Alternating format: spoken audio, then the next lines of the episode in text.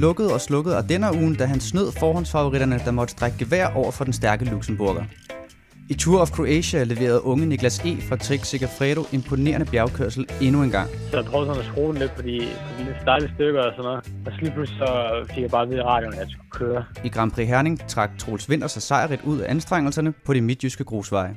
Så lige inden noget kommer op, så, så kører jeg fra ham, og han, han prøver ikke engang at gå med. Alt imens Winter kørte mod sejren på heden, tog den unge juniorverdensmester Julius Johansen en tur igennem bagruden på en bil. Det er jo også den opvækst, man selv har fået, og det, det er jo også derfor, man vælger at gennemføre sådan et løb, selvom man bløder kraftigt. Mads Wirt Schmidt, som desværre måtte udgå af årets Paris-Roubaix efter et slemt styrt, er tilbage på cyklen og jagter allerede nye sæsonmål. Altså, jeg glæder mig i det hele taget bare til min første Grand Tour, og er sindssygt glad for, at, der, at det er på en, i en trup, hvor, hvor der er plads til at, at gå efter, efter resultater. Og naturligvis ingen Vel Europa podcast uden oraklet Fortuna. Kim Plesner, velkommen til dig. Tak skal du have. Jeg glæder mig, glæder mig meget over, at det ikke er Elming, så jeg bliver nok ikke mobbet så meget i dag. Lad os se, lad os se hvordan det går. Øh, og selvfølgelig også et varmt øh, velkommen til den øh, nok mindst cyklende cykelrytter på den danske kontinentalscene, Stefan Djurhus. Ja, jo tak. Den gjorde lidt ondt, den der, men okay. Efter to gange i træk at have udpeget Valverde som vinder af en Ardennes-klassiker, uden at ramme rigtigt, har Claus Elming ikke haft mod til at dukke op i studiet i dag. Derfor må I i denne uge nøjes med mig. Mit navn er Morten Skødt. Velkommen til. Du kan lytte til Villeuropa Podcast på iTunes, SoundCloud, Spotify eller din foretrukne podcast-app. Husk, at du kan følge os på Twitter på snabelag Villeuropa og på facebook.com Villeuropa. Du er naturligvis meget velkommen til at fortælle dine venner, familie og netværk om Villeuropa Podcast, så vi kan komme ud til endnu flere cykelinteresserede danskere. Alaphilippe has it, but here comes Valverde.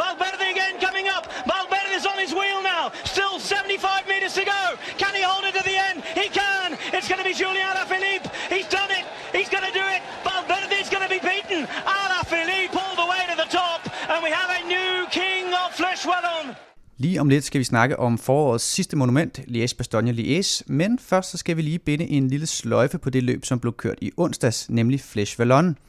Den helt store favorit, Alejandro Valverde, måtte sig slået af Quicksteps Alaphilippe, eller Alan Philippe, som vi kalder ham her i firmaet. Kim, altså, du vidste jo godt, at Valverde han ikke ville vinde, men hvad er alligevel din analyse på, at det ikke lykkedes for ham? Ja, det var de angreb, der kom massivt fra, fra de andre hold, specielt hold som Lotto, Lotto Sudal.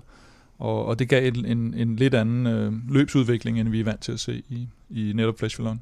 Ja, altså Stefan, vi så jo et, øhm, et løb, der blev åbnet op lidt længere udefra, end vi er vant til at se. Normalt så tænder man for Flash Vallon, når der mangler en kilometer, og de skal op af Modihui. Ja. Men øh, at, tror du, det skyldes, at det her med, at de er gået fra 8 til 7 rytter på holdene, eller er det noget andet, der gør sig gældende her?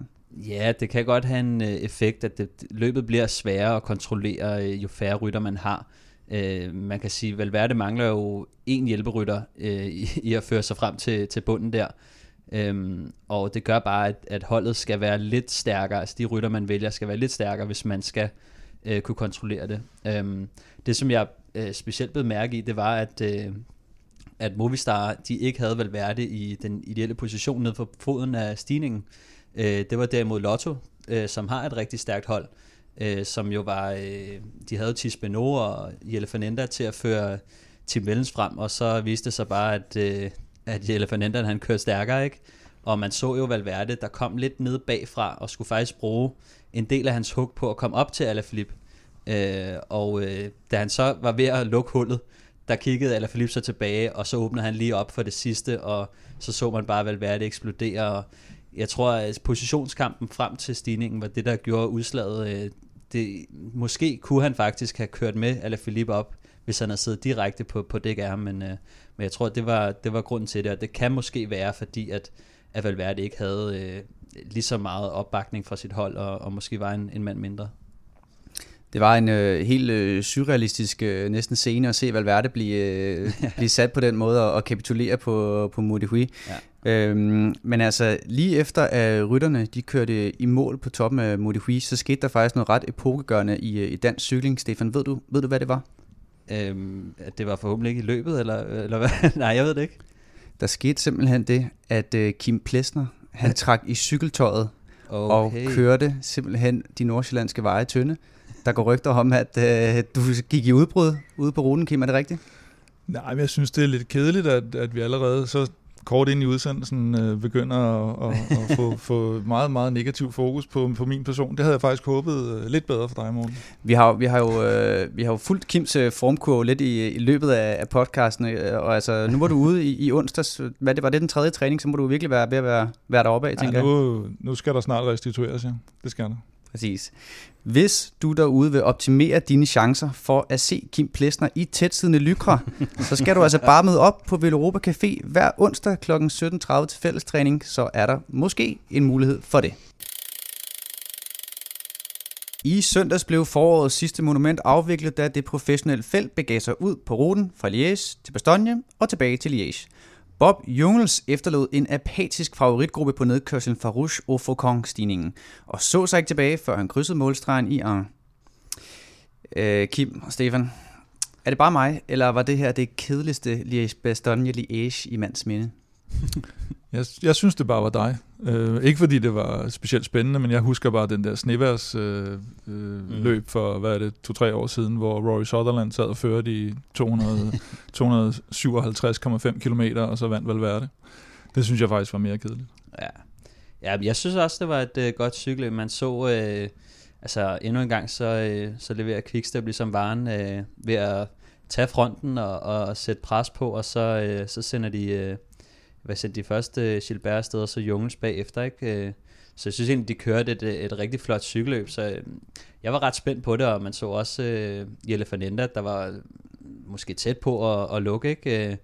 Men ja, men, men er det ikke skuffende? Altså, vi sidder og venter og venter og venter på, at der skal ske noget, og så kommer de til La Redoute, og så sker der ikke noget. Ja, det er rigtigt. Jeg, jeg var også meget skuffet over, at der ikke rigtig skete noget på Redoute, og da jeg sad og så det, så sad man også, øh, Rolf han sad også der og, og sagde, at det var godt nok flat, øh, at der ikke rigtig skete noget der, ikke? Men, men det kom jo lidt efter, så ikke? Øh. Jo, men man skal jo, også, man skal jo også stadigvæk huske på den der med, at Rolf kørte også i en anden tid, ikke?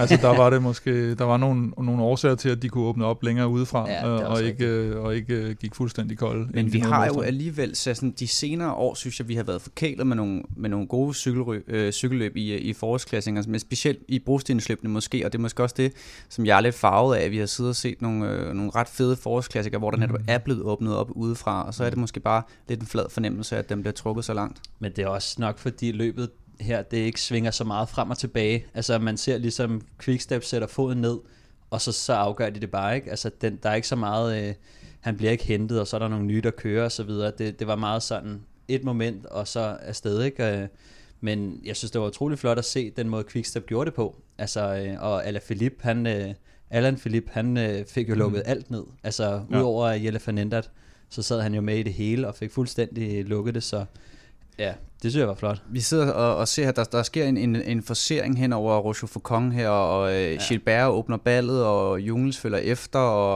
og man tænker, nu kommer der en udskilling, og det gør der så ikke rigtigt, og de kommer en stor gruppe hen over, og man tænker, nå, nu må vi vente til den næste stigning igen, og så lige pludselig, så er der hul op til Bob, øh, Bob Jungels. Hvordan i alverden kan, kan det lade sig gøre?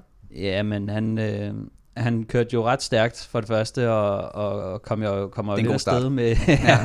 ja. øhm, jamen, han havde jo et par stykker med, Woods og Fuglsang øh, i hvert fald, og ja, hvad fanden var den sidste egentlig? Øhm, ja, fuck det. Ja. Hvad hedder det? Øhm, men altså, jeg synes jo lidt, at Woods, han, han er jo lidt en klovn. Altså, han, han lader jo egentlig Jungens køre altså, øh, på, på nedkørslen øh, lige efter, og han har undskyldt sig selv med, at han tog en, en gel, Altså, hvor dumt er det ikke? altså, han laver egentlig cykelløbet køre der, ikke? Og, øh, han skal huske at spise. Ja, men det er ikke lige, når Jungels han, øh, han kører.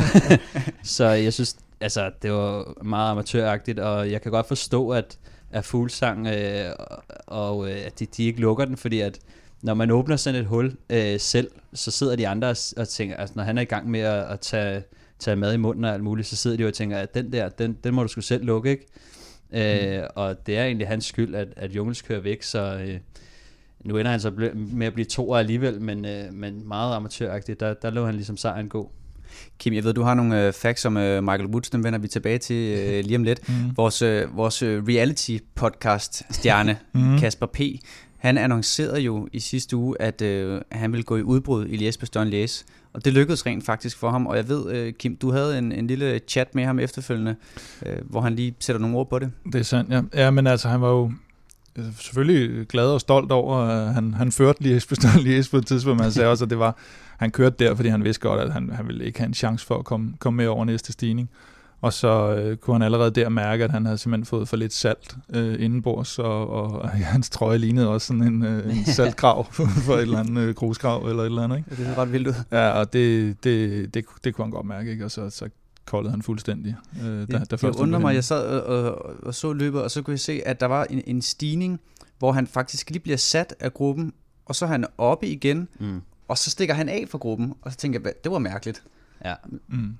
Altså, det er jo, det er jo noget, som han, han gør for, at nu har han set, nu har han set at han, han ikke øh, kan vinde det her cykelløb, eller, eller er den stærkeste i gruppen, og øh, så er det så er det en eller anden form for spral, han ligesom laver for, at, for ligesom at, at vise sig frem, og samtidig for at hjælpe sin, øh, sin Præcis, holdkammerat præcis. i, i udbruddet, fordi at, øh, de var jo det eneste, der havde to rytter med, og ved at Kasper han, han kører derud, så kan de muligvis øh, skabe noget, altså få lidt mere fart i, i udbruddet igen, og samtidig så kan hans holdkammerat spare sig i, imens, så, så det øger en lille smule chancerne for hans holdkammerat også. Øh, så jeg, jeg tror bare, det var det, man så, at øh, han lige gav det sidste skud og, og hjalp sin holdkammerat lidt. Som lovet, så skal vi øh, lige vende en øh, lille top 10 omkring løbets nummer 2, Michael Woods, som du har lavet, Kim. Ja, det er jo ikke så meget en top 10, men, øh, men 10 facts om ham i hvert fald til, til de lytter, der måske ikke sådan kender det, det meste til ham. 10 facts om kanadiske Michael Woods. Nummer 10.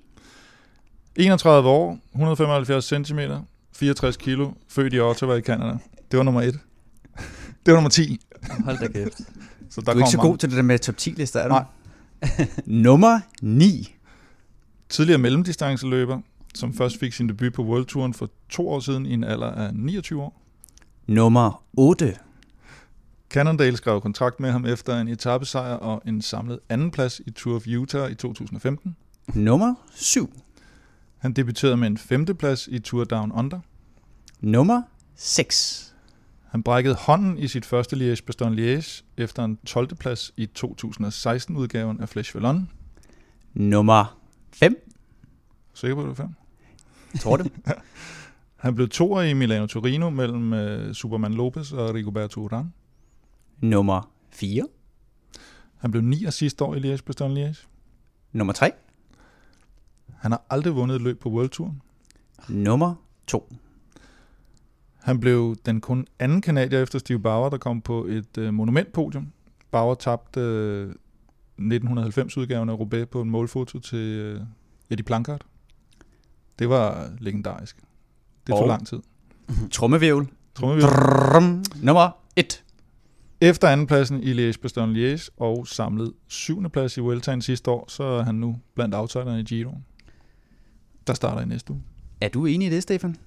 Øhm, Man hader ham jo. Ja, altså, nej, jeg synes, at øh, nu, nu ved jeg, hvorfor at han, øh, han var så amatøragtig i, øh, i Liège. Det var, fordi han har været mellemdistanceløber. Han er jo ikke rigtig cykelrytter, for fanden. Så, øh, så nu ved jeg, hvor, nu ved jeg, hvorfor han sidder og laver så dumme fejl, jo. Altså en ikke rigtig cykelrytter, som netop er blevet nummer 2 i forårets sidste monument. Sejren i Liège-Bastogne-Liège blev Quickstep sejr nummer 27 i år. Et hold, der til gengæld ikke har haft så meget held i sprøjten i dette forår, er Team Sky. Kun én top 10 placering i årets fire monumenter, og ikke én podieplads i en klassiker siden omløb, hvor Valgren vandt. Kim, hvad er det lige præcis, der er gået galt i Skys klassikerkampagne i år? Altså først og fremmest synes jeg, at vi bliver nødt til lige at, at stoppe med at bruge øh, ordet kampagne. Kan vi aftale det? Hvad fanden er du nu galt med det? det er bare noget værd noget. Så Nå, det, du, du har simpelthen også været, været alt for glad i de sidste par podcaster. Det er godt at høre, at du har, du har fundet de sure miner tilbage. Ja, men det ligner ikke noget.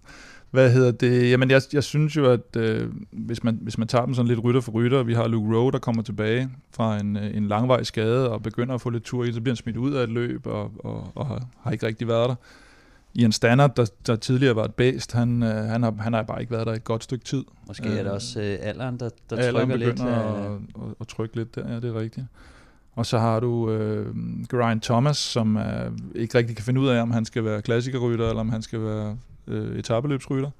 Og øh, Øh, Vi havde jo også, øh, altså det er også lidt det her, måske øh, går han lidt mere efter at være klassementsrytter efterhånden, ikke? Øh, vi ved ikke rigtigt, om, øh, om Froome han, øh, han kommer til start i, i turen, så måske øh, begynder han at kigge lidt frem mod det, øh, og, og skal være en redning i det løb. ja. Øh, så det, det kan også være en af årsagerne til, at han måske ikke har fokuseret så meget på, på klassikerne. Helt Øh, sikkert. jo. Helt sikkert. Jamen, han ser, og jeg tror endda også, han har udtalt på et tidspunkt, at han, han snart er ved at ligesom skulle have chancen. Ja. Og så har du en, en uh, gut som Moscon, som egentlig har været okay, men, men bare ikke lige helt op på, på samme niveau som sidste år. Dylan van Barle, jeg huskede ham, Ja. øh, er hentet ind og, og havde egentlig kørt nogle gode resultater, og, og var også forventet at skulle lave, men viste sig frem i et løb, som jeg ikke engang kan huske, hvad var, øh, og ellers ikke. Øh, så, så det er Jeg sådan husker lidt... faktisk, du tippede Dylan van Barle på et tidspunkt. Nej, det var, Det var mig, der Nå, var det, det. dig, det var Stefan, ja. ja. Ja, men det var fordi, han, øh, han har præsteret så flot Ja. øh, i, øh, i det, var det Flandern rundt egentlig, øh, i, i årene før, så jeg regnede egentlig lidt med, at den her sky-effekt, som, som, som der er på mange rytter med, altså de har jo nogle, nogle altså de er meget øh, perfektionistiske på Sky med deres øh, træning og, og, og hele deres, øh, deres tilgang til sporten, så, så jeg havde lidt regnet med, at han måske ville tage et step op, men, men det har, det har udblevet øh, indtil videre, specielt med, med, med klassikerholdet her. Ja, og så som vi også har snakket om, det, det mest paradoxale var jo, at det var øh, Wisniewski, der får øh, den eneste podieplacering i hele foråret for dem. Ikke? Altså, hvem fanden, havde, hvem fanden havde set ham komme der? Ikke? Jeg havde i hvert fald ikke. Øhm, og øh, jeg skal lige høre, altså der har været sådan en lille smule øh, snak om hele den her Froome-sag, og hvor meget kan det have påvirket øh, holdets forår og sådan noget. Hvad, hvad tænker du om det, Kim? Jamen, jeg, det, det kan, jeg kan ikke se, jo, jeg kan se, at det måske kan have fjern- fjernet noget fokus, men, men hvis man ser på deres resultater, så er det jo netop klassikertruppen, der ikke har præsteret, og etabeløbstruppen, som, som Froome er en del af, har rent faktisk øh, fået 15 sejre, hvilket selvfølgelig ikke er quickstep-niveau, men, men, men stadigvæk godkendt. Vil du tilføje noget, Stefan? Øhm, ja, altså, jeg tror, at den har jo haft stor effekt på, på Froome og, og Brailsford, men, men jeg tror, resten af holdet, de, de ruller jo videre, og de, de skal jo også præstere. Det er jo, det er jo ligegyldigt for, øh, for, for Kwiatkowski på en eller anden måde, hvad der, hvad der sker med, med Froome, så, så han skal jo fokusere på det, han laver, øh, lige så vel som de andre rytter. Øhm, så, så jeg kan ikke rigtig se, øh, hvorfor det skulle påvirke øh, rytterne, de andre ryttere så meget. Altså, jeg kan forstå, at måske deres turtrup øh, bliver, øh, bliver der måske ændret lidt rundt i, som kan, som kan at tage noget fokus frem i turen, i og med at måske skal det være Geraint Thomas, de skal køre for, øh, altså hvor meget forbereder han sig på en, på en hjælperolle eller en lederrolle osv., men, men indtil videre, så, så jeg tror ikke rigtigt, man kan tilskrive det øh, skylden for, for, for, at de har fejlet i år. Gio Detalje venter lige rundt om hjørnet her for Froome og Company mulighed for at, at vende tingene lidt rundt igen og, og indhente noget af- det tabte. Det bliver spændende at se, om de kan gøre det. Mens de største klassikerstjerner rullede rundt i Belgien, blev etabeløbet Tour of Croatia kørt i, ja, du gættede det, Kroatien. Her gjorde danske Niklas E. sig særdeles positivt bemærket og sluttede på løbet samlet femteplads, hvilket skulle vise sig at kaste en udtalelse til, til Giro d'Italia af sig. Kim Plesner talte med Niklas E. mandag aften blandt andet om kongetappen i Kroatien, hvor meningen egentlig var, at den unge dansker skulle køre for sin italienske kaptajn Gianluca Brambilla. Jo, men altså, vi kom ind på den sidste stigning der, øh, det var, 28 29 km lang, og han sætter egentlig rimelig hurtigt Laurent Didier til at føre, og så øh, efterfølgende mig. Øh, jeg prøver egentlig bare sådan at holde et godt tempo for ligesom at, at tage lidt ud i gruppen og sådan noget. Men jeg kan godt se, at da, da de så angriber, så kører han med, og så øh, knækker han sådan lidt. Prøver bare sådan at komme op til ham igen for at, ligesom at give ham en sidste hånd. Men øh, jeg føler, synes egentlig, det blev ved med at gå sådan rimelig godt for mig. Jeg selvfølgelig stadig havde skudt den der til sidst, så jeg prøvede sådan at skrue den lidt på de, på de lidt stejle stykker og sådan noget. Og så lige pludselig så fik jeg bare at vide i radioen, at jeg skulle køre. Så, så der, der gav han mig lov til at køre til sidst. Men sidder man altid sådan bagefter og tænker, hvad, hvad nu hvis jeg ikke skulle sidde og føre de første 20 km der, eller, eller, eller hvordan tænkte du, da du kom over målstregen?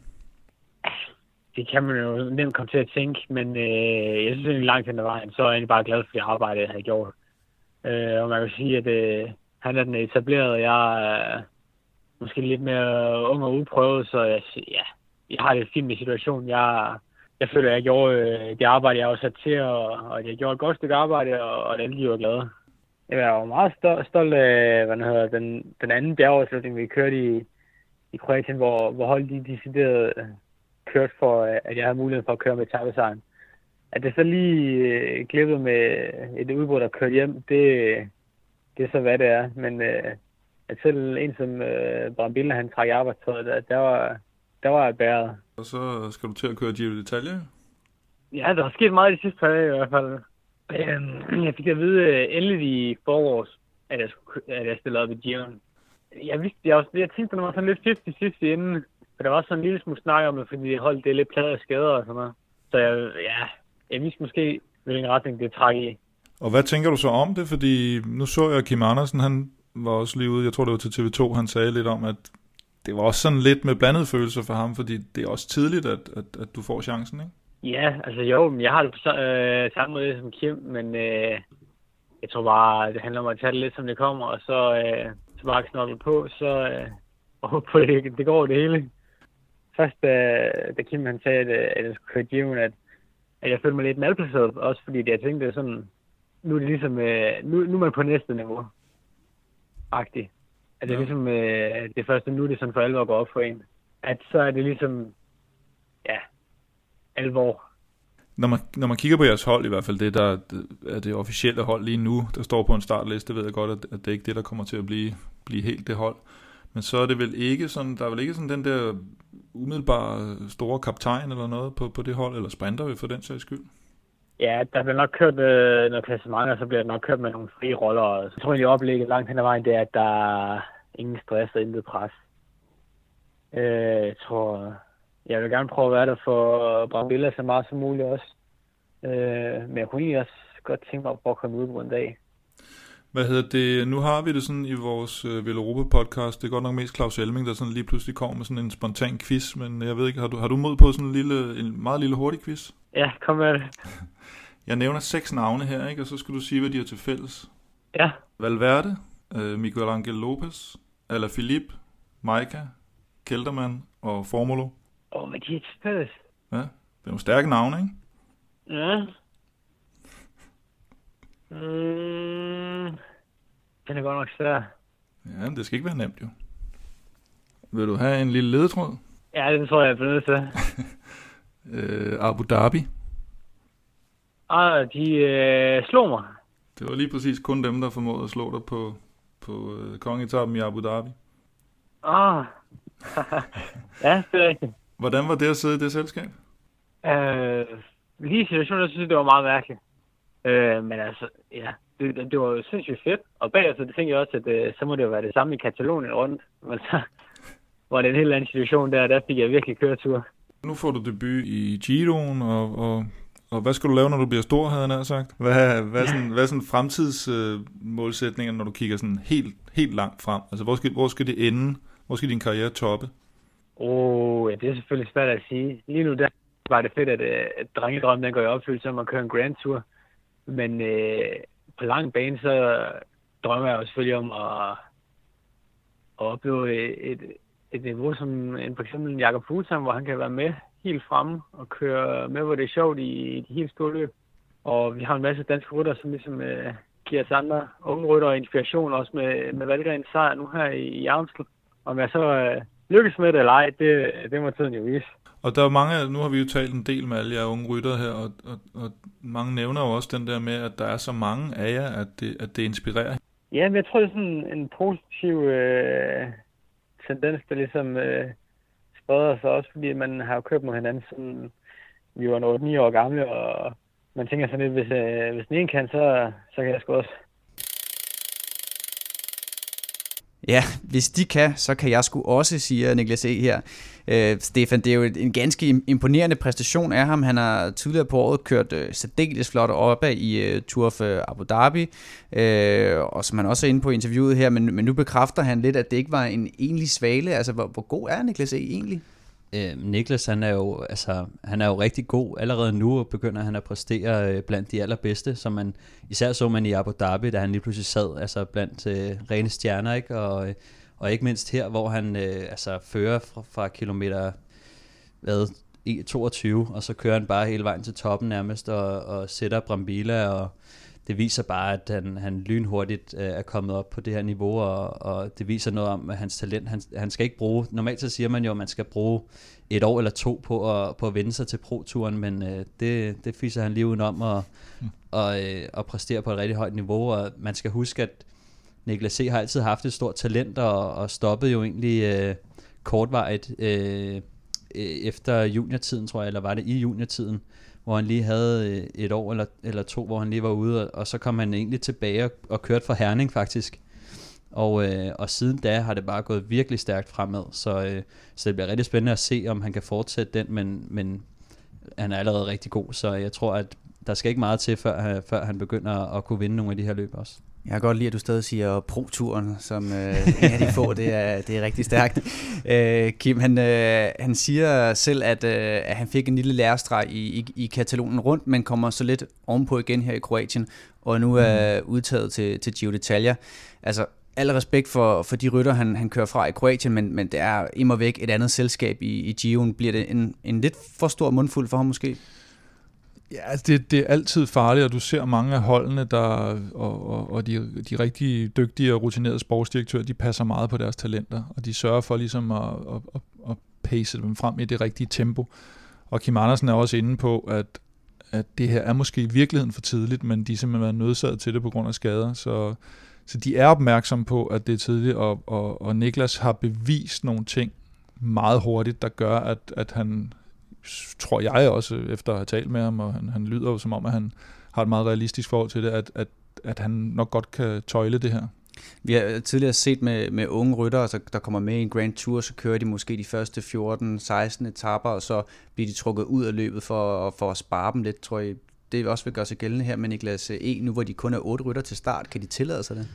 Jeg tror ikke, at de vil pille ham ud af, ikke før han bliver syg eller knækker fuldstændig ned, og det skal, det skal vi jo håbe, at han ikke gør. Altså man har jo set også uh, Mads Pedersen sidste år, der kørte Chiron og, og kom rigtig godt ud af det. Uh, han kørte pisse stærkt uh, ja. bagefter, og kørte egentlig også ret godt på den afgørende enkeltstart faktisk. Uh, så, så jeg håber lidt, at, uh, at, at Niklas kommer, kommer godt igennem, og i og med, at at de måske ikke har det stærkeste hold til start øh, bjergmæssigt, så, så nu har han jo kørt fra Brambila her nu, så, så jeg ved ikke, måske kan han få lov at, at, at, at køre lidt i udbrud på, på nogle af bjergetapperne og, og mærke sig lidt af, øh, men jeg tror, at øh, det er vigtigt for ham også at, at passe på sig selv, og måske skal han ikke øse for meget ud af sine kræfter i starten, i og med at, at han debuterer i, i et rigtig stort løb, og skal bevare den der respekt for det, så, så han ikke ender med at, at knække nakken efter, efter 10 dage, ikke? Jo, og så er det også det, øh, at, at de har de har netop ikke den der store kaptajn, som, og det gør jo faktisk, at de kan tillade sig, synes jeg, at tage ham ud, hvis det er, at, at det lige pludselig skraber lidt på. Ikke? Det er ikke sådan, at, at hvis nu de har haft Sakharin med eller et eller andet, og han lå til at, at, at vinde, og så kommer ja. de afgørende bjergetapper, så er, det, så er det lidt kritisk at begynde at tage en bjergrytter ud af, af truppen. Men her kan de jo rent faktisk sådan lidt gøre det uden omkostninger. Foråret har langt om længe ramt Danmark, og det er nu, du skal støve raceren af, smøre gearne og klikke i pedalerne. Og mangler du nogen at køre de nordsjællandske veje tynde med? Ja, så har Villeuropa selvfølgelig også tænkt på det. To gange om ugen ruller en flok glade Villeuropæere afsted fra Villeuropa Café på Bispingen 1 på Frederiksberg. Det er fuldstændig gratis at deltage. Du skal bare møde op og være klar til at cykle onsdag kl. 17.30 og søndag kl. 9. Læs mere om fællestræningerne på Villeuropas Facebook-side. Vi ses! Inden vi går videre, så vil jeg gerne lige i bedste Claus Elming-stil øh, quizze jer lidt her, Kim og, og Stefan. Det er et øh, meget simpelt spørgsmål, øh, som I bare skal svare på her. Hvad har Kurt Hasler og Kim allerede ved at falde ned af stolen i ren spænding her i, i studie 1. Ja, fuldstændig øh, Nu har han også fået stået i albuen og alt muligt. Ja. Øh, hvad har Kurt Asle Arvesen, Bjarne Ries og Frederik Moncassin til fælles? Hold da kæft. Moncassin. Det kan vi også kalde ham. Moncassin. Moncassin. De har alle sammen vundet en etape i turen. Giroen. Giroen. Det er ikke Ja. det svar, jeg leder efter, kan jeg afsløre. Nej. Jamen, øh, De har, øh, de har alle sammen, de har næsten alle sammen på nær to kørt for Gan. Nu giver jeg en ledetråd. Det, da, de, øh, de har det samme til fælles med Troels Vinter. De har vundet Eller GP Herning, eller? De har vundet Grand Prix Herning. Ah, Yes. Det er sgu rigtigt. Og Kurt Asler øh, skulle da have vundet i Aarhus. Har han også vundet Herning? det er, øh, ifølge øh, Grand Prix Hernings øh, egne historiebøger, så har Kurt Asler Lausen også vundet i Herning. Men Jamen, det, dem- det så den, har, den vælger jeg at stole på. Dem det har vi jo også, øh, nu er det jo en del af, af, af postkoppen, men, øh, men før i tiden, så var det jo også et, øh, et UCI-løb, et øh, kategori 1-1. Jamen, de kørte jo Aarhus og Herning, og jeg, jeg kan bare huske, at jeg var oppe og se, at han vandt Aarhus, men jeg, jeg kan bare ikke huske det. Men, Vi har et, et bonusspørgsmål. ja, ja. Øh, Moncassin er også blevet nummer, nummer to i et øh, monument. Ved I, ja hvad det er for det, et? øh, Paris-Roubaix. Nej. Nej. Lombardiet. Flandern rundt. Lombardiet. jeg ved sgu Det var meget godt for en sprinter i hvert fald. Ja. ja, men så ved I heller ikke, hvad år det var, vel? Nej. 97. Lige efter Rolf. Nå ja, det var, Ja, okay. okay. Nå, ja, han lå i udbud med Rolf, det var ham, der kørte fra. Ja, det er selvfølgelig rigtigt. Og det var Vi kan godt. konstatere, at jeg laver svære quizzer end Claus Elming. Ej, det er helt forfærdeligt, den her. Helt forfærdeligt. I lørdags, der blev netop Grand Prix Herning kørt. Det var første afdeling af den traditionsrige DCU Cup, tidligere kendt som Postkoppen, afviklet i og omkring Herning. DCU Cup består af fire forskellige cykelløb og er noget af det mest prestigefyldte cykelløb, der køres på dansk grund. Stefan, måske du lige kan sætte et par ord på for, hvad, øh, hvad DCU-koppen egentlig er for en størrelse. Ja, det, det plejer jo at hedde øh, Postkoppen, og øh, nu hedder det så DCU-koppen.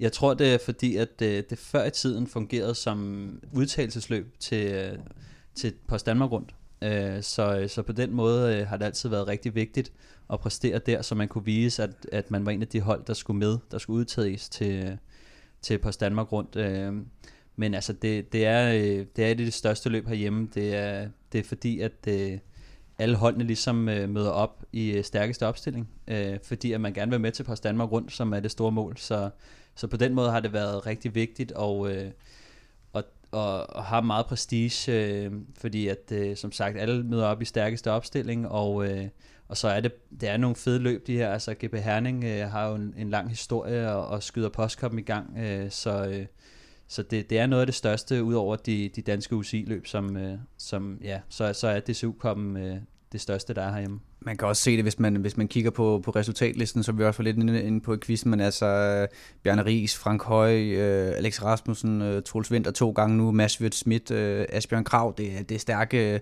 stærke rytter, som, som har vundet det her løb. Øhm, og nu øh, i, i lørdags, der blev det så til den, til den anden sejr for, for din holdkammerat, øh, Troels Vinter, Ja. Stefan, øh, som snuppede sejren foran en øh, anden holdkammerat, nemlig Jonas Åen. Øh, og hvad hedder det, Kim Plesner, han havde en snak med den 31-årige Troels Vinter efter løbet. Ja, det var super fedt. Det er altid fedt at stå øverst på pallen. Men det har du gjort en gang før. Ja, ja i 2011 øh, vandt jeg også øh, løbet, så, så jeg har prøvet det før og har været med frem øh, en del gange derude. Jeg har to 15 pladser og en anden plads, og så nu to sejre. Hvis man sådan lidt kigger på din resultatliste, så er det vel nogle af de største sejre i karrieren, er det ikke? Jo, jo, det synes jeg. Altså, nu er det jo ikke øh, UCI-kategori længere, men det er jo stadig høj prestige og et af de, de sværeste løb herhjemme, så, så det er nogle af de største sejre. Da første gang jeg vandt, det var det jo også UCI-kategori 1.1, så, øh, så, det, så det er jo nok min største sejr. Var det hårdere at vinde dengang, eller var det lige så hårdt i lørdags? Øhm, ja, det, altså det var bare højere kategori, og så var der nogle lidt større hold med. øh, Der kan Soleil var med dengang, og, og Lars Bak var hjemme og køre lige efter han blev femmer i Paris-Roubaix, og, og han blev, han blev træer der. Men de to løb mindede egentlig meget om det der, det der års udgave også, hvor det også havde været rigtig varmt op til, og, og det gør bare ikke, grusvejen er utrolig svære at køre på, når det har været så tørt, så er det ligesom at køre i sådan en sandkast, så der er bare støv og, og sten over det hele, og så blev der bare kørt, kørt rigtig hårdt hele dagen, hvilket er lidt en fordel for os gamle, der, der måske ikke er så eksplosive, som jeg har været. Hvordan, øh, nu fik I jo, for at sige det mildt, et ret godt resultat. Hvordan, hvordan greb I løbet an, og hvordan fik I sat de andre, de andre hold under pres? Jamen altså, vores øh, taktik var lidt at, at køre et aggressivt løb. Vi øh, havde rigtig mange ry, rytter til start, og, og det skulle vi prøve at udnytte. Og det, det, det lykkedes så lidt, hvor jeg sent hen i løbet, hvor Stokbro og jeg kommer ud og sidde i en, i en syvmandsgruppe. Øh, jeg tror 70 km ude, 70 km fra mål cirka. Hvordan lykkedes du med at vinde? Hvad, hvad tror du, der blev afgørende? Ja, altså, der kommer nogen op fra feltet. Der, de sidste afgørende grusveje, øh, hvor, hvor vi også var åen op, og så siger jeg egentlig til Kron, at nu, nu er det Stokbroåen, vi kører lidt for, og så, så, så, så, så fører vi helt ind til omgangen, indtil vi kører forbi mål første gang. Øh, og så aftaler vi, at vi begynder at angribe derfra, og så jeg tror, folk var rimelig færdige, fordi der gik øh, kun øh, lidt under en halv af de små omgange, så øh, kommer jeg egentlig væk øh, sammen med Folsak. Og jeg vidste godt, at Folsak er hurtigere end mig i spurten, så øh, jeg sagde hurtigt til ham, at jeg ikke måtte føre med ham, og så, så, øh, så accepterede han egentlig det, og, og, og tog bare fronten og førte egentlig med mig på jul. Og, og til, på den aller sidste omgang af åen, så er vi at komme op, og så jeg havde egentlig besluttet mig for, at der var en lille bakke efter et langt modvindstykke, hvor det var rigtig hårdt. Uh, der vil jeg køre sidste gang, køre, prøve at køre fra ham. Uh, så lige inden nogen kommer op, så, så kører jeg fra ham, og han, han prøver ikke engang at gå med. Så uh, holder jeg så hjem derudfra, et par kilometer fra mål, vil jeg tro der. Øhm, der er noget med, at du træner sådan lidt anderledes end de fleste, og har en, en, en coach. Kan du prøve at fortælle ja. lidt om det? Ja, altså jeg har en engelsk træner, en der hedder Phil Mansfield, som øh, er bosiddende her i Danmark, øh, som jeg startede samarbejdet med i sæsonen 2011. Så, så jeg træner lidt anderledes. Og hvad går det ud på? Går det, er det med det mentale, du, du træner mest på den måde, eller er det, er det en kombination? Det er lidt en, lidt en kombination. Øh, I starten er det nok lidt, lidt det, som uh, Brian Holm ikke kan lide, hvor vi kørte lidt kortere og lidt flere intervaller. um, det er i hvert fald noget af det, der, der rykker mig meget der. Men ja, det er lige fra, fra, fra styrketræning til position på cyklen, og, og også det mentale og, og det taktiske, at man ligesom er, allerede har en eller anden form for strategi, uh, inden man stiller op til løb. Og hvordan kan det være, du valgte det dengang? Altså, hvad, hvad gjorde, at du tænkte, nu den vej vil jeg prøve at gå? Øhm, jeg kom egentlig i kontakt med ham igennem øh, en anden cykelkammerat, Michael Tronborg, hvor, fordi jeg havde problemer med mit knæ og havde haft det i flere år. Og været til en masse forskellige fysioterapeuter og læger, der, der ikke rigtig vidste noget om det. Så kiggede han på mig i 10 minutter, og så mente han egentlig godt, at han kunne, han kunne udbedre det ret hurtigt, og det, det lykkedes så for ham, og så gav det jo en masse tillid fra min side af. Så du brænder ind med nogle røvehistorier? Kan du drille Stefan eller et eller andet? Nej, ikke rigtigt. Vi savner ham jo lidt. Vi kan jo godt høre ham, om, øh, om vi snart får ham at se. Jeg ved godt, de spørger ham om det hver gang. De savner dig, Stefan. Savner du også dem? Ja, det gør jeg sgu. Det gør jeg sgu. Jeg savner, øh, jeg savner det hele. Jeg savner træningen, og jeg savner øh, kammeratskabet, og, og når vi får det til at fungere øh, derude, som, som, som drengene også gjorde i, øh, i Herning her. Altså, de kører jo, de kører jo fuldstændig fantastisk og får lukket øh, de andre hold ned og sidder på forkant og alt det der, det er jo, det er jo noget, som man savner. Jeg er glad for, at det, øh, det, det gik rigtig godt, og øh, de fik styret det, men selvfølgelig savner jeg det. Jeg savner drengene, og ja, jeg glæder mig sgu bare til at, til at komme tilbage. Altså, hvornår kan vi egentlig forvente dig at, stille, at, at se dig til start til et cykelløb? Bliver ja, det i 2018? Ja, det gør det, men den, den, den, den gør sgu lidt ondt, øh, når, når du siger, at øh, jeg ikke har kørt så meget, og det er jo ikke fordi, at jeg ikke vil, det er fordi, at jeg har, jeg har overbelastet noget i mit knæ, som, som bare ikke vil falde ned, og jeg har sådan hele tiden været, været på kanten af at komme tilbage, men, men i og med, at den bare bliver ved med at være der, så, øh, så, så, så kan jeg ikke rigtig komme ud og, og træne så langt og, og køre cykelløb endnu, så, så jeg gør alt, hvad jeg kan for at, for at komme tilbage, og det, det gør utrolig ondt, og, og blive ved med at sidde på sidelinjen. Vi glæder os uh, rigtig meget til at se dig tilbage på cyklen. Altså, ja, altså, held i uheld, så kan vi jo glæde os over, at du har rigtig meget tid til at lave podcast sammen med os. Ja, det, er vi, det er vi selvfølgelig glade for, uh, selvom vi gerne ser dig mere på cyklen. Um, også vores uh, unge danske juniorverdensmester Julius Johansen kørte Grand Prix Herning i weekenden, Rytteren fra Kolokvik, der var på træningslejr med Quickstep tidligere på året, havde en mildest talt øh, uheldig episode i løbet. Pludselig bremser en bil foran Julius, og inden han har set sig om, så rører han altså ind i bagruden af den her bil her. Der er glaskår over det hele, øh, og han, han bløder rimelig kraftigt. Øh, men derfor behøver man selvfølgelig ikke at udgå af cykelløbet. det er klart. Øh, hvad hedder det? Kim, du har haft en snak med 18-årige Julius Johansen.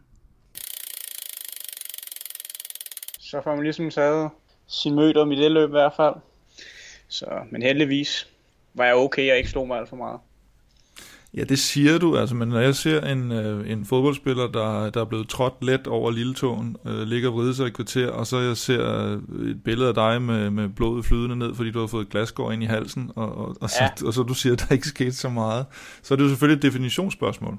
Ja, men der er jo ikke nogen tvivl om cykelrytter og nogle hårde hunde. Altså, man har set Nano Hansen øh, gennemføre turetapper med brækket kravben, og altså, det er, det er en hård sport, du lever i, og det er jo, det er jo også den opvækst, man selv har fået, og det, det er jo også derfor, man vælger at gennemføre sådan et løb, selvom, selvom man bløder kraftigt.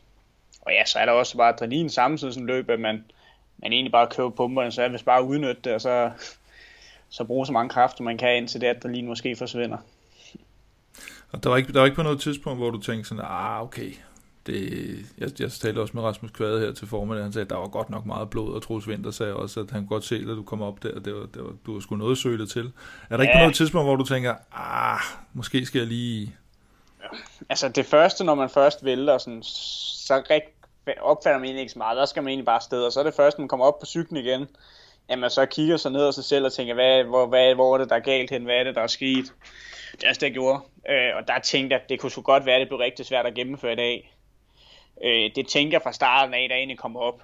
Øh, men jeg ville give det et skud, og det gjorde så også, at da jeg så kørte, så kørte jeg som om, at jeg kunne udgå, hvornår det skulle være. Og det gjorde også, at jeg kunne køre et andet løb, fordi jeg brugte alle mine kræfter i starten af løbet for at prøve at hjælpe holdet så meget som muligt. Øh, og prøvede at lukke huller for dem, og, og hvad skal man sige, bare køre, køre for holdet, ikke? Fordi jeg vidste, at hvis jeg så, så havde jeg en undskyldning for at udgå, når jeg så døde. Øh, så, så på den måde gav en fedt løber ja, så kom man jo bare tættere og tættere på mål, og så til sidst, så var det, var det, var det et spørgsmål om viljen til også bare at gennemføre. Men det er sjovt nemlig, fordi du siger jo, at, at i det du kigger ned af dig selv, så, så din mm. tanke er ligesom, okay, det bliver svært at gennemføre. Det er ikke sådan, ja. mm. nu skal jeg lige passe på mit helbred her. Altså du tænker mere på ja. sådan, fuck det, fuck hvis jeg ikke gennemfører. Altså. Mm. det kan der, folk uden for cykelsporten, eller, ja. eller egentlig også bare os andre, der ikke kører på det niveau, kan jo godt kan jo være lidt svært at forstå den der. Ja, men jeg havde det også sådan, altså sådan, jeg var oppe ved lægebilen og få en forbinding på, ja, sådan, altså hvis de ikke siger decideret stop, øh, så tænker jeg, så er der jo ikke nogen skade for at, hvad skal man sige, fortsætte. Hvis der var en på stedet en læges vurdering om, at det ikke var, det ikke var tilstrækkeligt, så, så havde jeg nok måske lyttet der det er jo så til mit, mit held, at, at jeg fik lov til det, kan man sige i starten. Specielt også, jeg er egentlig super glad for, at jeg gennemførte det. Det, det er på ingen måde noget, jeg har fortrudt siden. Fordi GP Herning, det er virkelig et løb, der, der er så meget præget af erfaring og rutine i sådan et løb. Og jeg er virkelig glad for, at jeg har fået ved, hvordan sådan et løb skal køres, og ved faktisk, hvor mange gange man kan komme tilbage i det løb, for det, det er virkelig imponerende. Det giver dig vel også noget andet end, end, end selve løbsrutinen, kan man sige. Det, ja. det giver vel noget, at man siger, jeg giver ikke op her. Ja, præcis. Altså, det er også super fedt for mig, fordi det er første år som senior, og jeg kommer ind på et nyt hold, og der er ikke nogen tvivl om, at forhold til, at man har som junior kørt gode resultater hjemme og sådan noget, det skal man egentlig bevise som et hold, og at man ikke bare er en eller anden dreng, der er blevet pæset op gennem det her, og, og bare synes sjovt at køre men man også har den vilje, den, hvad skal man sige, den udholdning, der skal til, til at, til at slå igennem på et højt niveau, og vise de andre også, at man, at man, altså, man er her ikke for sjov, og man, man er her for, for at køre cykelløb viser det seriøse i det, og så ja, vise en svær som første års, det synes jeg også var rigtig, rigtig fedt at ja, bevise, at jeg kunne noget. Ligger der en eller anden form for, jeg ved sgu ikke, i mangler bedre ydmyghed i det der også, eller hvad? Altså netop, at, at du kommer op nedefra? Øh, ja, det, det er helt sikkert noget, jeg virkelig har tænkt meget over at tage med, øh, prøve at tage med for juniorerne. Fordi at jeg ved, det er noget helt andet at køre senior. Og jeg har virkelig prøvet at, at, at hjælpe holdet så meget, som jeg overhovedet kunne i alle mine første løb, fordi på et tidspunkt, når jeg også virkelig kommer i topform, så kan det også være, at hvad skal man sige, det vil jo altid give sig godt tilbage, når man har hjulpet holdet på den måde der. Sådan en sæson her skal jeg bare bruge på lære, og ja, det er et fantastisk hold at komme ind på. Jeg har fået forhold til det, at man både har en Christian Moberg, der der ikke er bange for at sige tingene, som det er, og Kasper Folsak, jeg nu har kendt, kendt gennem en del år gennem banen. Og det er vel lidt samme øh, indstilling eller attitude, du, du tog med, så da du var på træningslejr med Quickstep? Ja, helt sikkert. Altså, det, var jo, det var jo en kæmpe, kæmpe oplevelse at få lov til at prøve det og se, hvordan det foregik. De var super, super, super søde at tage imod en på den måde, men ja, der er jo ikke nogen tvivl om, at, at man var den lille dreng i det selskab der. Så ja, jeg prøvede bare at gøre min bedste, og ja, heldigvis fik jeg et godt forhold til mange af dem, og det var jeg super glad for. Når man ligesom rykker et skridt op, øh, hvordan takler du den? Der er ikke nogen syn. Det har været et kæmpe skridt op. Øh, men heldigvis har det fysiske step faktisk ikke været så stort, som jeg havde frygtet. Jeg har kørt rigtig, rigtig stærkt i det første løb, jeg har kørt. Jeg har været uheldig en del gange, for eksempel her i Gip Herning, hvor jeg egentlig synes, jeg havde gode ben, og også i Louis hvor jeg var i udbrud sammen med Alexander Kamp og sådan noget, hvor, hvor der kom et tog og ødelagde vejen for os. Det store skridt for mig har helt klart været en helt anden måde at køre cykelløb på man kører som hold i junior, men det er bare på en, på en anden måde. Hvad man siger, junior det er stadig en egoistsport. Der er senior virkelig, hvor man bare kører 100% for holdet, og det er noget, jeg skal vende mig til. I forhold til, at ja, nærmest når der det rigtige udbrud kører afsted, og det rigtige rytter har nogen med, så kører holdene bare op og spærrer vejen. Så, er sådan, så, der ikke, så man ikke kan komme forbi, så får det udbrud ligesom lov til at sejle væk. Det er sådan nogle ting, man lige skal vende sig til den anden måde, løbende bliver kørt på. Det er jo det, jeg skal bruge det første tid, så heldigvis har jeg super erfarent hold til at hjælpe mig med det, og, og lære mig at sige, hvad jeg gør rigtigt og forkert i sådan nogle løb. Men er det noget med, at du skal tøjle en eller anden form for utålmodighed? Fordi det så man jo også med VM der, så, lige så bare, så ja. det virker sådan fandelig vold. Nå, nu, nu kører jeg sgu bare, ikke? Altså, det er det helt sikkert. Det er det helt sikkert også. Man skal, man skal vende sig til, at sådan, uh, det er bare en eller anden større teamfølelse over det. Altså, sådan, det er virkelig kæmpe sejr, når, når holdet vinder. Uh, og, man, og man gør det på en anden måde, end, end vi gjorde i junior.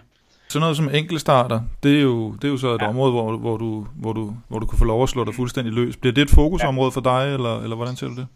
Ja, jeg ved ikke. Jeg havde sådan lidt inden den sæson været sådan, jeg også gerne vil satse på landevejen, men øh, rigtig meget, men jeg ved ikke hvorfor min, min hjerne lige pludselig har sagt, at nu skal jeg igen gå selv på op enkeltstart. Enkeltstart er noget, jeg også satser på rigtig meget på i denne sæson, og jeg går hele tiden at finjustere lidt på cyklen og køber nye små dele hjem til. Det er det, der er så fantastisk enkeltstart, at man, man hele tiden kan finde noget, der måske er lidt hurtigere. Min træning ligger ikke så specifikt rettet mod enkeltstart lige i øjeblikket. Øh, jeg kører ikke særlig mange timer på enkeltstart-cyklen, men det er jo også noget, der vil blive bygget på i løbet hen mod for eksempel DM. Og ja, jeg satte så meget på 23 DM og, og ja, Elite DM enkeltstart i år, fordi en af mine store mål for sæsonen er at blive udtaget til VM. Øh, jeg rigtig gerne vil køre U23. Og det, det, det er en rute, der passer mig fint, og DM-ruterne er helt flade, og det, det passer mig i hvert fald også glimrende, så, så ja, jeg håber, jeg kan gøre det godt til, til, til de løb. Ja, dramatisk uh, Grand Prix Herning for Julius Johansen. Uh, jeg husker uh, sidste år, der var en, en motionist, som også røg ind i, i bagruden af, det var ganske vist en parkeret bil, men han, han skar simpelthen halsen over og, og mistede livet. Ja. Altså, uh, Julius Johansen, man kan vel godt tale om, at han har, han har været lidt, uh, lidt heldig i den her situation, kan man ikke? Jo, bestemt. Altså, der har været fortilfælde, øh, eller mange fortilfælde med det her i alle mulige forskellige variationer og løb, men det er klart, at der, når der er sådan noget glas, glas og hals i, i umiddelbar nærhed øh, involveret, så, så, så er det klart, at så kan det, gå, så kan det gå alle mulige veje. Jeg vil også sige, faktisk at Troels, han har også engang fløjet igennem bagruden på en bil, og har øh, store ar på, på armene efter det, hvor han har også øh, skåret sig øh, voldsomt, men øh, det er jo noget, der sker en gang imellem, fordi at øh, jeg tror faktisk, Troels også kørte ind i en parkeret bil dengang, men i og med, at nu kører Julius, øh, nu er det bilen foran ham, øh, der bremser op, og vi sidder jo tit bag bilerne, når man skal køres op, og man er nede og hente vand, eller man er punkteret osv., så, så, så skal man lige have lidt hjælp og, og lægge sig ind bag bilerne. Og øh, nogle gange, så, øh, så, så, så bremser de bare øh, ud af det blå, øh, fordi at øh, man, det er lidt svært at se, hvad der sker bag sådan en bil. Øh, man sidder lidt og prøver at kigge igennem bagruden og forruden, men, øh, men nogle gange, så, øh, så er det sgu lidt svært at, at vurdere, lige pludselig så stopper bilerne foran, og så bliver den bil også nødt til at bremse.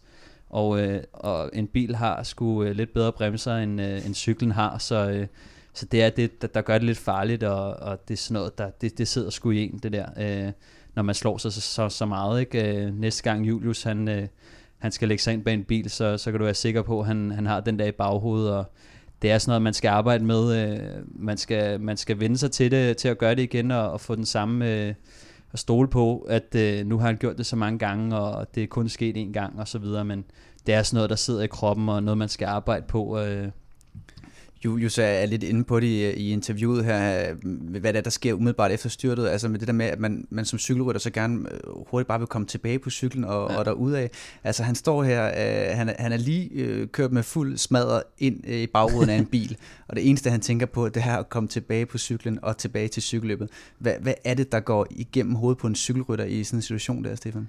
Jamen, egentlig ikke en skid faktisk, for at sige det lige ud. Øh, man ved bare, at øh, man slår sig, og kan man stå op på benene og, og komme op på cyklen igen, jamen, så gør man det, fordi at, øh, at cykelløb, det slutter jo, altså de andre, de fortsætter jo længere tid, man skal ligge og ømme sig, jo hårdere bliver det at, at køre op igen. Så, øh, så man ved bare, at øh, hvis man stadig lever, så, øh, så er det bare op på cyklen, og, og så prøve at fange feltet igen.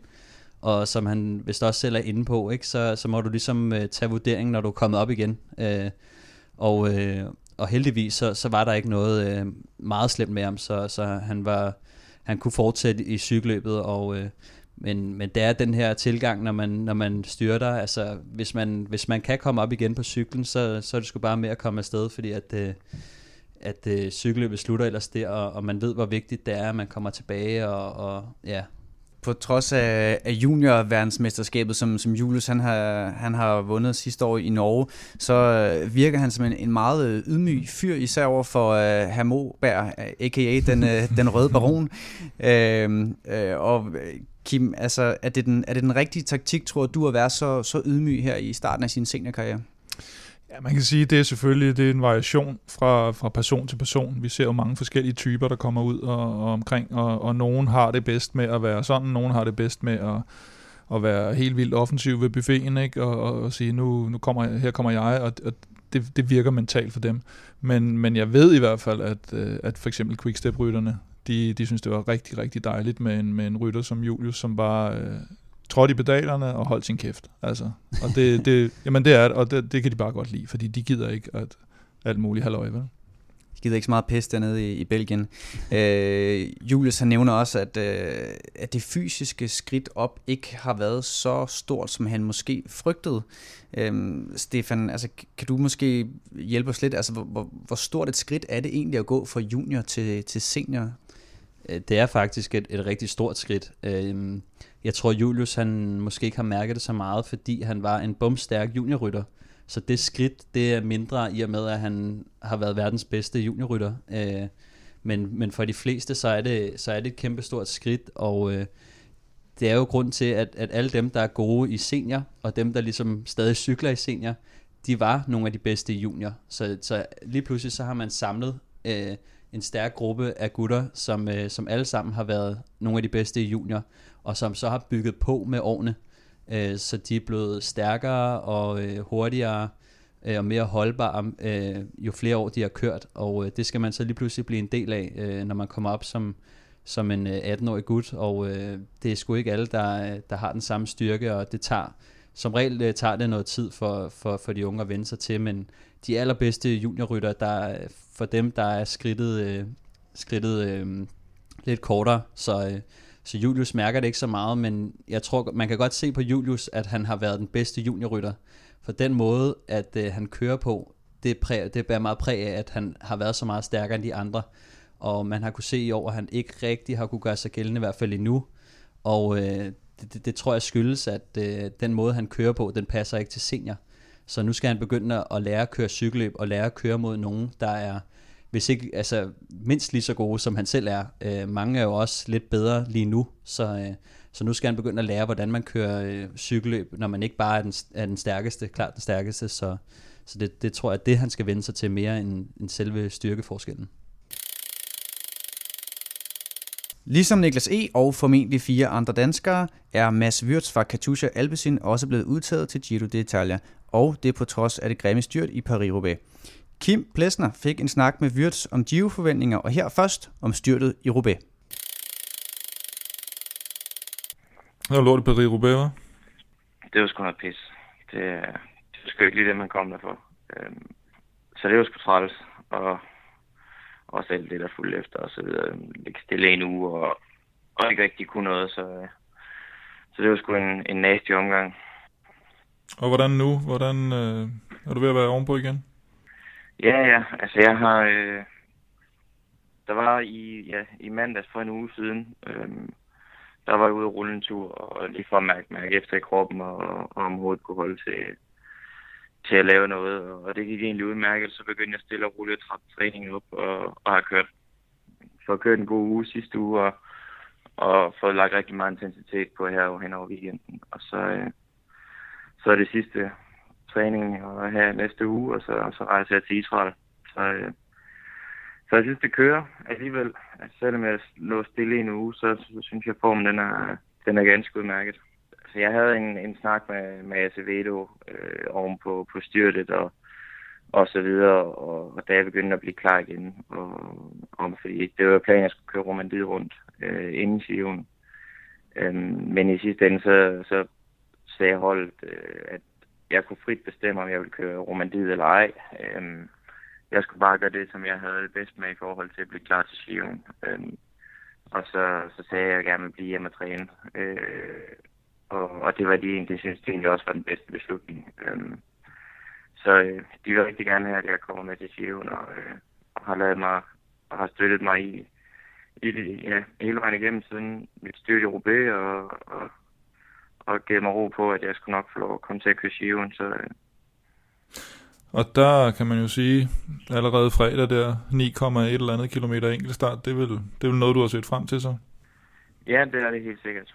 Øh, jeg har fået trænet lidt mere på enkeltstartcyklen øh, her, dag, her i år end, end sidste år, og nu skal jeg køre en, en 10 km test på enkeltstartcykel i morgen for at, at se, hvor jeg lige står henne. Øhm, og det, det bliver spændende at se, og, og, øh, men jeg er helt sikkert, jeg, øh, jeg går og sætter mig op til at skulle køre en, en god engelsk start på første etape og, og se, hvad det kan, kan blive til. Men jeg har ikke rigtig kørt, jeg har, jeg har slet ikke kørt en engelsk start i år endnu. Øh, der havde været to i, i Romandiet rundt, hvor jeg ligesom kunne, kunne se, hvor jeg står henne. Så, så det bliver, øh, det bliver første engelsk start i år i, i Sion, og øh, så det er jo, jeg har ingen idé om, hvad, hvad jeg lige skal forvente. Øhm, men øh, jeg satser på, at jeg, jeg har fundet noget af mit gamle niveau på enkeltstarten, og har lavet lidt om på positionen, der gør, at den minder mere om det, som jeg havde, dengang jeg blev verdensmester. Så, øh, så jeg, jeg har en god fornemmelse på enkeltstartcyklen i, i træning i hvert fald. Og, og så bliver det nogle gode lange 3-4 timers motorpace-ture, jeg kører ud i, i bakkerne for ligesom at simulere lidt cykelløbsagtigt. Så, så det synes jeg, det synes jeg selv er en okay, okay forberedelse. Øhm, sørge for lige at få smidt det sidste kilo og sådan nogle ting. Øhm, men øh, jeg synes, det hele går fornuftigt frem mod, mod Sion. Og hvad med det? Har I fuldstændig, øh, har I fuldstændig styr på taktikken, havde jeg sagt, og, og, og din rolle, altså udover i enkeltstarten selvfølgelig. Øh, har, du, har du fået specifikke informationer om det? Nej, ikke endnu. Øhm, der er ikke kommet noget endnu, men, men umiddelbart så har vi ikke nogen, øh, vi har hverken en, en topsprinter med, eller en, øh, en, der skal køre efter GC, så, øh, så der er rimelig, rimelig frit slag efter, til at gå efter, efter hvad man nu gerne, gerne vil. Øh, der er plads til, at jeg kan pege nogle etaper ud og, og blande mig lidt i nogle massespurter og forsøge at køre nogle, nogle placeringer ind. Øh, men helt sikkert, så, så skal jeg have kigget, kigget ruten godt igennem og kigget efter nogle etaper, der, der ligger godt til mig, øh, som jeg skal gå, øh, gå 100% efter. Og det er vel nogle etaper, som selvfølgelig ikke de hårde bjergetapper, men nogen, der, der, der er tilpas hårde til, at der kan komme udskilling, så du er, er den hurtigste i den sidste gruppe, der sidder der, eller hvordan? Ja, det skal være sådan nogle gode mellemetapper, hvor øh, det eventuelt kunne være et udbrud, der holder hjem, eller, eller det bliver et, øh, et decimeret felt, der kommer, kommer ind og skal spurte. Øh, så, øh, så kan det godt være, øh, ja, så skulle jeg gerne kunne være en af dem, der, der kunne blande sig i, i spurten og køre, køre efter sejren. Det, det er i hvert fald det, jeg øh, håber på. Øhm, men, men ja, altså jeg glæder mig i, det hele taget bare til min første Grand Tour, og er sindssygt glad for, at, der, at det er på en, i en trup, hvor, hvor der er plads til at, at gå efter, efter resultater, at man ikke skal, skal hente an eller sidde i den konstant. Øhm, så, øh, så det bliver super fedt.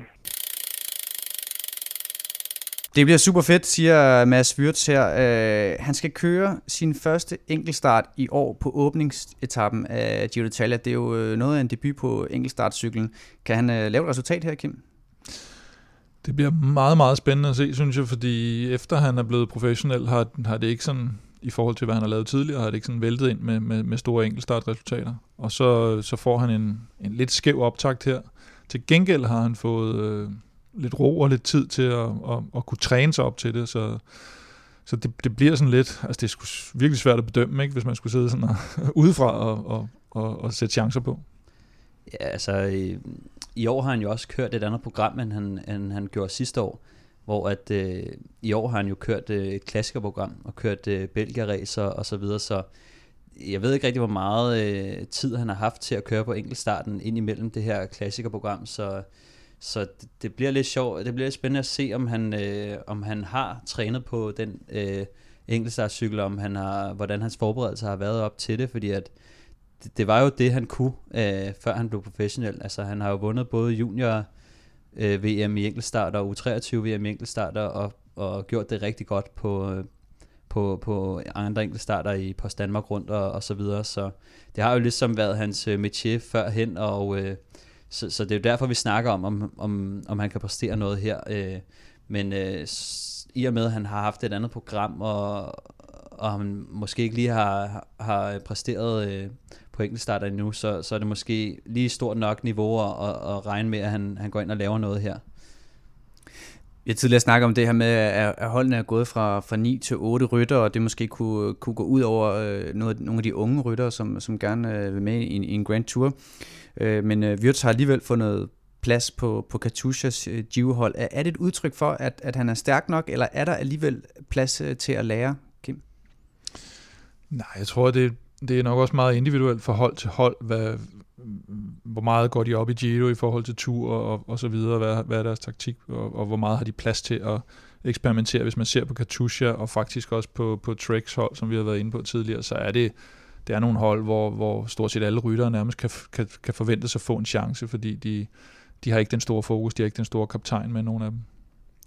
Stefan, øh, altså hvad, hvad får man som, øh, som ung rytter ud af at få den mulighed her, som, øh, som Mads gør? Øh, først og fremmest, så, øh, så er det øh, fra et træningsmæssigt perspektiv, øh, er det jo noget af det bedste træning, man kan få. Altså det er jo så hårdt, og kommer man ordentligt ud på den anden side, jamen så, øh, så, så, øh, så har man virkelig fået, fået noget basetræning ind, og, og noget, som man så med, som vi også snakkede om tidligere, med Mads Pedersen sidste år, hvor, hvor godt han kom ud af Sion, og, og hvor meget, øh, altså hvor, hvor stærkt han kørte efterfølgende.